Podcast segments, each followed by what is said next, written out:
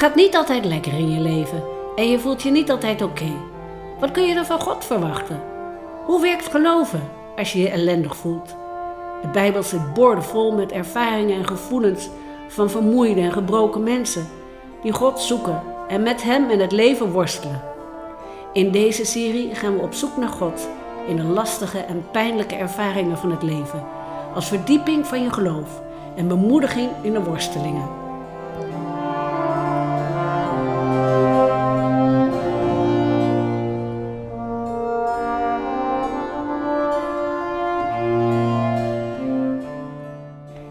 Dit is de vijfde en de laatste in de serie van vijf. Thema is moeheid. Voorganger is Peter Hansen, opgenomen op 10 december in de Noorderkerk in Amsterdam.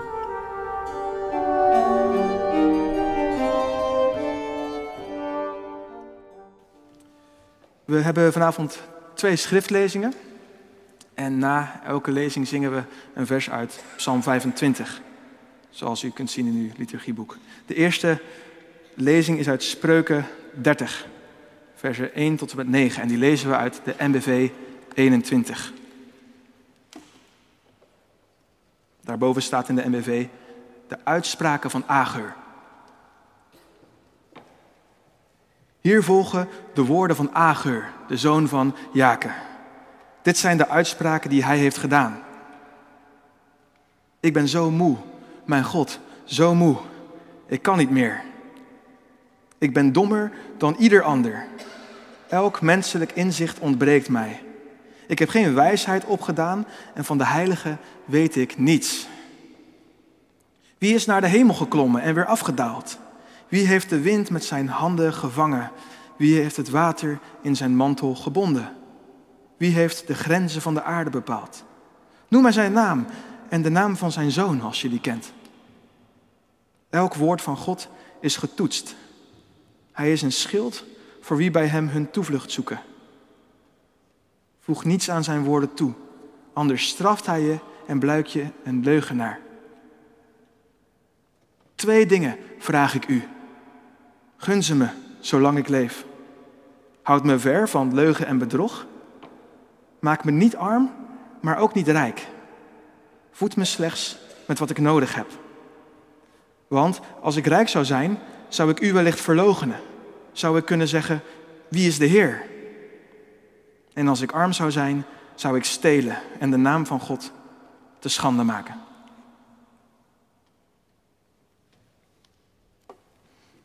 De tweede lezing is uit het Marcus-evangelie, hoofdstuk 4, versen 35 tot 41.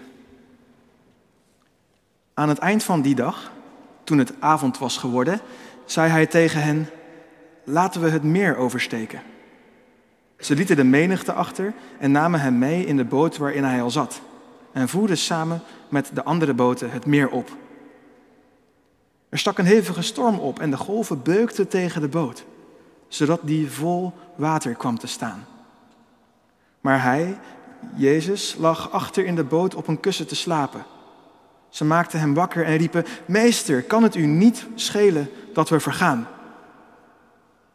Toen hij wakker geworden was, sprak hij de wind bestraffend toe en zei tegen het water: Zwijg, wees stil. De wind ging liggen en het water kwam helemaal tot rust. Hij zei tegen hen, waarom zijn jullie zo angstig? Geloven jullie nog steeds niet? Ze werden bevangen door grote schrik en zeiden tegen elkaar, wie is hij toch, dat zelfs de wind en het water hem gehoorzamen?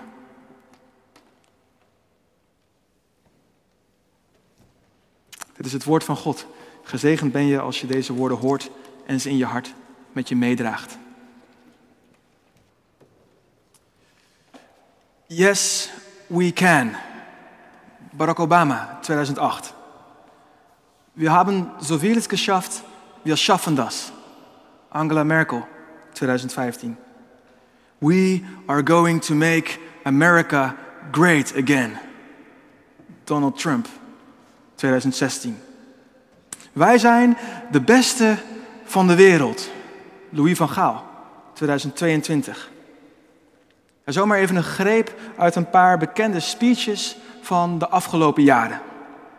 En ik denk, je kan best wel veel leren over hoe een samenleving in elkaar zit door naar haar bekende speeches te luisteren. Ja, naar toespraken luisteren heeft misschien een beetje iets als het meten van een hartslag door even de vingers aan de pols te leggen. Als je wil weten hoe het hart van een samenleving klopt, dan moet je met je vinger de polsslag van een paar speeches even aanvoelen. Ja, wat voelen we dan als we bij deze speeches de vingers aan de pols halen, houden? Stuk voor stuk zijn het optimistische toespraken. Als, als u, als jij, als ik hard werken, dan gaat het doel bereikt worden. Er klinkt geen spoortje twijfel in door. Ja, en ook valt het op dat er best een groot idee van maakbaarheid in zit. Hè? Als, als wij het manifesteren, als wij het proclameren, als wij het imagineren, zou Van Gaal zeggen, ja, dan zijn wij de beste van de wereld. En klopt het al een beetje, denkt u? Is het inderdaad zo dat door even de vinger aan de pols van deze toespraken te houden, we horen hoe het hart van de samenleving klopt? Of nog wat dichterbij, horen we in deze speech misschien ook eigenlijk wel een beetje iets van onszelf terug? Hebben wij eigenlijk ook niet een beetje een, een yes we can houding, een wir schaffen das mentaliteit? Dat is in ieder geval wel de conclusie die de Zuid-Koreaanse filosoof Byung-Chul Han in zijn boek De Vermoeide Samenleving trekt. Volgens Han is onze maatschappij een achievement society, een prestatiemaatschappij. En dat is een radicaal andere maatschappij dan die in de eeuwen voor ons. In de eeuwen voor ons, zo zegt Han, kwam de druk van het leven vaak van buitenaf op ons af. Denk aan, aan de slavendrijvers op katoenplantages die, die de zweep over de rug haalden. Denk aan fabrieksbazen die arbeiders urenlang laten werken in, in dampige hallen. Aan, aan overheden die burgers onderdrukken. Ja, de klacht van de vorige eeuwen was vaak: niets is mogelijk. En het waren dan ook de, de slavendrijvers, de fabrieksbazen, de overheden die mensen geen moment van rust gunden. Geen moment om moe te zijn. Maar in onze prestatiemaatschappij is dat volledig anders. Waar de klacht van de vorige eeuwen was, niets is mogelijk, is de klacht van onze eeuw, alles is mogelijk. En volgens Han is daardoor een hele gekke situatie ontstaan. Wij zijn, zegt hij, in ons hoofd tegelijkertijd onze eigen slaaf en onze eigen slavendrijver. In onze maatschappij waar geluk van ons afhangt, moet jij ochtends in de spiegel staan, jezelf aankijken en zeggen: Yes, I can. Ich schaffe das. I am going to make myself great again. Ik ben de beste van de wereld. Ja, want als het geluk van jezelf afhangt, dan moet jij jezelf er ook continu van langs geven om te zorgen dat jij dat geluk bereikt. En waar vroeger het misschien de, de, de knallen van de zweep van de slavendrijvers of de belletjes van de fabriekshallen waren die je geen moeheid toestonden, zijn wij het nu vooral zelf, die ons continu aan het werk houden. Best een uh, analyse van de maatschappij, zo op de zondagavond denk je, ik kan het wat dichterbij brengen. Ik moest bij, bij het boek van Han denken aan het uh, hamstertje van mijn zus vroeger. Tiger heette die. En Tiger de hamster, die had zo'n uh, zo'n zo'n hamsterwiel in zijn kooi. En daar ging hij dan ook in rennen, uren achter elkaar, vaak ook s'nachts. Dan hoorde hij de hele nacht zo... En, en Tiger de hamster was best een tragisch huisdier. Hij was zowel zijn eigen slaaf als zijn eigen meester. Ja, niemand dwong Tiger om in dat wiel te rennen. En niemand, behalve Tiger zelf, bepaalde ook het tempo. Maar er gebeurde iets geks. Hoe harder dat beestje ging rennen, hoe harder en harder en harder. Hoe harder vervolgens ook dat wiel ging draaien. En hoe harder dan Tiger moest blijven rennen. Om dat tempo van het wiel bij te kunnen houden. Ja, en nog tragischer, Tiger die, die rende zichzelf na een paar uur meestal ook wel dood in zoiets. In dat wiel. We hebben denk ik al negen verschillende Tiger de hamsters gehad uh, door de jaren heen. Ik hoop dat mijn zus er niet achter komt door deze dienst terug te kijken. Ik denk, misschien lijken u en ik wel een klein beetje op Tiger de hamster. Toch? Misschien zijn wij zowel onze, onze eigen slaaf als onze eigen meester. Wij, wij rennen in een wiel waarvan wij ooit het tempo bepaalden. Maar misschien heb je die ervaring wel dat door de loop van de tijd jij niet langer het tempo van het wiel bepaalt, maar het tempo van het wiel jou is gaan bepalen. Stilstaan is dan geen optie meer, anders ga je op je bek. En door het hele rennen van het leven wordt je leven eigenlijk teruggebracht en vervlakt tot de paar pijlers op het hamsterrad voor je. Dat is het enige waar je oog voor hebt. ik weet niet hoe het met u zit, maar ik voel me in ieder geval wel af en toe als Tiger de hamster. En ik sta mezelf dan ook, net zoals die hamster, heel weinig toe om moe te zijn. Het gaat vanavond over moeheid in deze preek. En, en ik merk dat het iets is wat ik eigenlijk stelselmatig uitstel. Als ik na een lange dag studeren thuis kom, dan ga ik swipen, scrollen, Netflixen, HBO Maxen, Amazon Primen. Ik heb het allemaal. Uh, ik plan uitjes met vrienden, ik, ik ga sporten. Het is alsof ik continu prikkels nodig heb om die moeheid maar niet te voelen. Het idee van 30 minuten op een stoel zitten en niets doen, het is echt mijn persoonlijke hel. Als ik uh, mijn tanden poets, eh, op het toilet zit, als ik douche, altijd staat er wel een podcast aan of lees ik wel een artikeltje. En ik heb soms het gevoel dat ik zo hard aan het rennen ben, dat ik daardoor het contact met God een beetje uit het oog verlies. Een vriend die dit herkende, die deze ervaring heel erg herkende, waar ik het pas over het thema vermoeidheid had, die zei ja, het is alsof mijn ziel seculariseert. Poëtische taal, maar wat hij bedoelde is denk ik dit, dat, dat het leven zo druk kan zijn, dat je zoveel prikkels kan opzoeken, dat je zo blijft doorgaan, dat je langzaam het gevoel hebt dat je God uit het oog verliest. En die ervaring van een leven dat vervlakt is en van het gevoel hebben dat je vervreemd raakt van God, die zien we ook in een andere toespraak die we net lazen. De toespraak van Ager in Spreuken 30. We weten niet precies wie Ager was, het staat er niet bij. Maar wel dat hij waarschijnlijk een best belangrijke figuur was. Want het is een Ager om aan het eind van een heel boek over wijsheid de slotspeech te houden. Hij mag het allemaal even samenvatten, er een strikje om doen. En Ager begint zijn speech op een bijzondere manier. Hij zegt, ik ben moe. En niet zomaar een beetje moe, maar zo verschrikkelijk moe dat ik het echt niet meer kan. En op de een of andere manier in Agers hoofd heeft dat inzicht van zijn eigen moeheid hem geholpen om ook zijn eigen beperking in te zien. Want hij zegt, ik ben dom.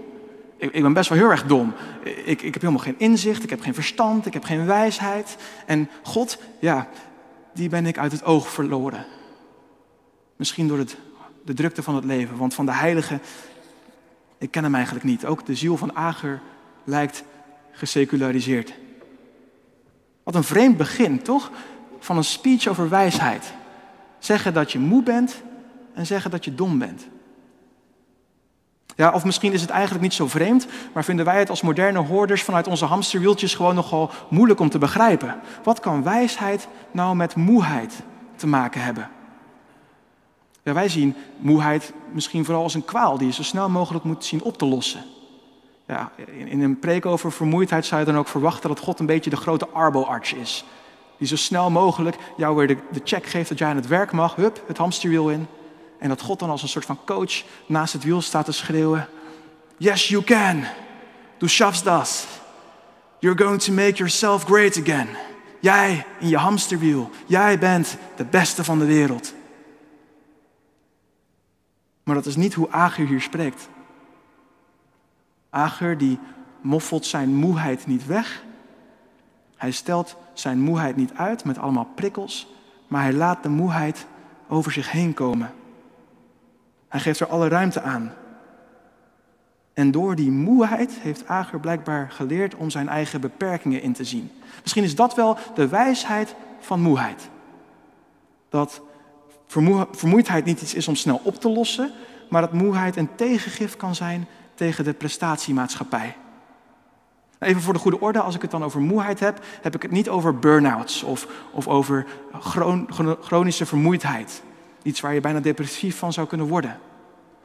Ik denk niet dat dat de moeheid is waar Ager over spreekt en het is zeker niet mijn intentie om die vorm van moeheid hier te gaan romantiseren.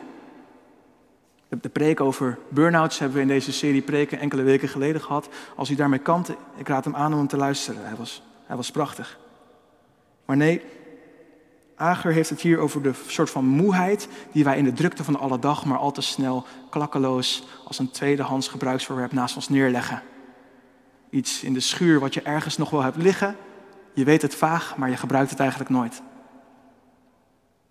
En, en moeheid, zegt Ager, kan ook iets zijn wat je kan gebruiken om uit het hamsterwiel te stappen. Dat lijkt Ager in ieder geval, als we deze eerste paar versen lezen, gedaan te hebben. Hij heeft zijn moeheid over zich heen laten komen. Hij is zijn beperktheid in gaan zien. En hij ziet in dat de leuzen van Obama, Merkel, Trump en Van Gaal eigenlijk helemaal niet voor hem gelden. Hij heeft zijn eigen wijsheid niet kunnen manifesteren, niet kunnen proclameren, niet kunnen imagineren. Ik ben benieuwd, zou dat ook met, met u en mij gebeuren? Als we onze moeheid eens even niet zouden wegpoetsen, maar gewoon zouden laten zijn? Zouden we dan onze eigen beperktheid gaan inzien? Misschien spannender nog, zou je dan moeten concluderen dat je God soms eerder als een vreemde in de supermarkt begroet dan een goede vriend die je goed kent? Ik ben eigenlijk vooral benieuwd of we daardoor, door dat inzicht van onze moeheid, ook naar God zouden gaan verlangen. Want dat gebeurt bij Ager in vers 4 als je dat leest. Hij verlangt naar een persoon die hem naar God kan brengen. Hij zegt, wie is er nou naar de hemel opgestegen en daaruit neergedaald? Wie heeft die dingen kunnen doen die alleen God kan? De, de wind kunnen vangen met je handen. Het water kunnen binden met je mantel. De grenzen van de wereld aangeven. Vertel me alsjeblieft zijn naam. En vertel me de naam van zijn zoon. Want Ager voelt het al in het volgende vers. Die persoon die mij bij God gaat kunnen brengen, ja, dat zal voor mij toch een schild zijn. Dat zal voor mij toch iemand zijn bij wie ik toevlucht kan zoeken. Ja, waar, waar kan je nou zo iemand vinden?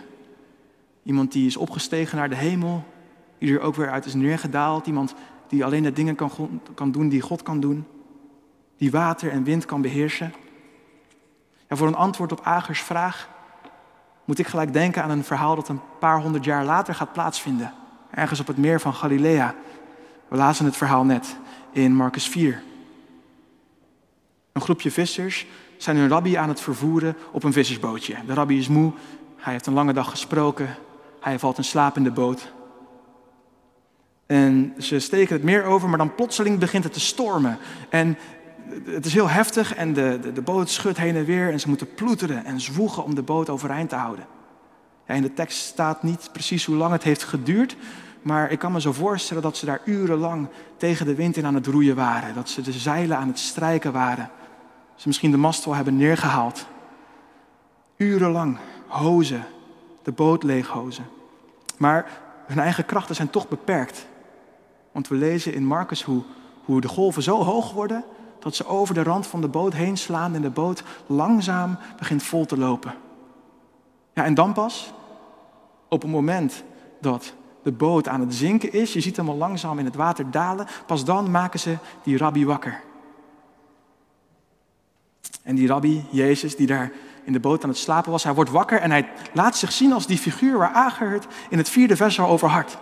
Ja, Jezus die, die, die van de hemel is neergedaald, Jezus die die bedaart de wind. Hij legt het water de rust op. En, en, Jezus is ook voor zijn discipelen de persoon waar Ager in vers 5 al zo naar verlangt. Hij is voor hen, hen een schild waar ze bij kunnen schuilen. Maar niet voordat hij ze eerst streng heeft toegesproken. Waarom hebben jullie zo weinig moed? Geloven jullie nou nog steeds niet? zegt hij tegen de leerlingen. Ja, misschien denk je wel, dat Jezus zo, zo streng is tegen de leerlingen omdat ze hem wakker hebben gemaakt. Als ze hem gewoon hadden laten slapen, was het allemaal wel goed gekomen. Was die boot helemaal niet gezonken? Of was de storm misschien vanzelf wel gaan liggen? Ja, dat kan, maar ik weet niet hoe uw ervaring in uw leven is, maar ik merk bij mij dat, dat, God kennen niet per se betekent dat de stormen in mijn leven ineens stoppen. Dat God kennen niet per se betekent dat ineens de, de boot niet meer zinkt. Ja, zou het kunnen dat Jezus dus om een andere reden streng is? Niet omdat ze hem wakker hebben gemaakt, maar omdat het zo lang heeft geduurd voordat ze hem wakker hebben gemaakt. Misschien is Jezus wel niet boos omdat zijn discipelen moe zijn geworden, maar omdat het zo verschrikkelijk lang heeft geduurd voordat ze hun eigen moeheid erkenden. Pas als die boot begint vol te lopen, pas als die langzaam aan het zinken is, ja, pas dan schreeuwen ze het uit naar Jezus. En pas dan kan Jezus ingrijpen. De vissers in dat bootje hadden misschien wel profijt gehad van een speech van Ager in een speaker op hun boot. Of ze hadden die misschien wel op een roeispade moeten graveren. Of, of ze hadden hun boot de Ager Express moeten noemen. Want ze hadden die wijsheid van Ager denk ik heel erg nodig. De wijsheid van moeheid. Want moeheid leert je inzien dat je beperkt bent. Moeheid leert je zien dat jij God niet bent. Moeheid leert je zien dat jij uiteindelijk de stormen in je leven niet gaat kunnen bedwingen in je eentje. En moeheid waarschuwt je dat als je niet oppast, je zomaar God uit het oog verliest. Terwijl die in het midden van je boot ligt te slapen. En moeheid heeft Ager geleerd wat die leerlingen pas zo laat leerden. Namelijk, moeheid heeft Ager geleerd om het weer uit te roepen tot God. Dat doet hij in het eerste vers. Hè? Hij begint zijn toespraak niet met een slogan, maar met een gebed. Daar zegt hij, ik ben moe. En God, ik ben zo moe. Prachtig is dat. Dat voor Ager moeheid en contact met God naadloos in elkaar overvloeien.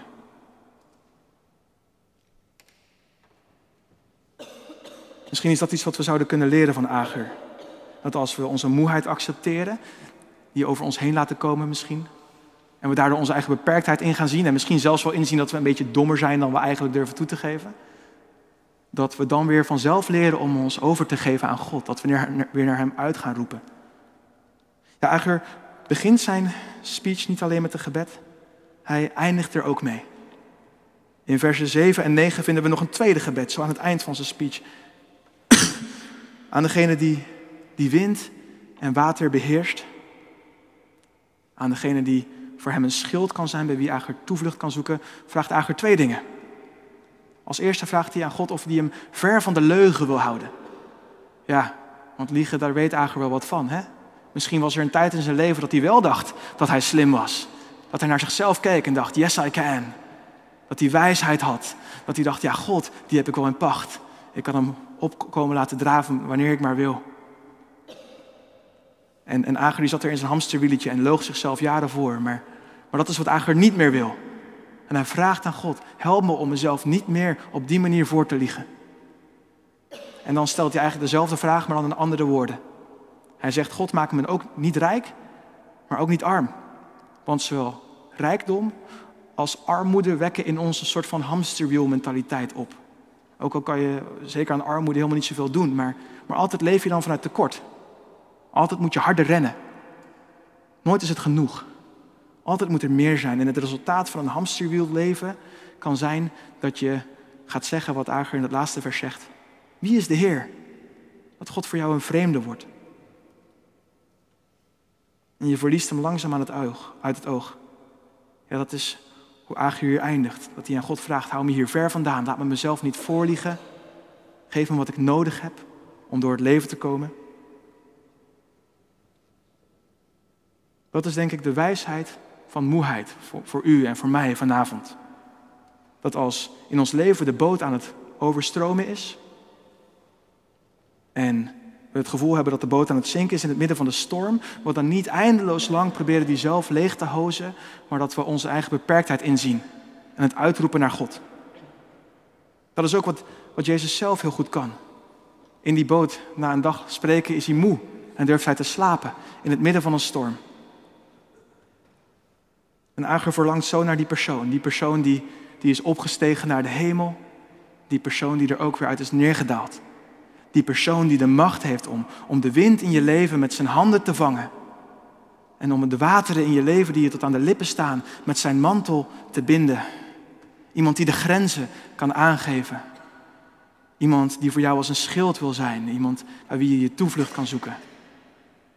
Vertel me zijn naam, zegt Ager. Nou, die kennen we. Zijn naam is Jezus Christus, Zoon van God, Redder. Amen.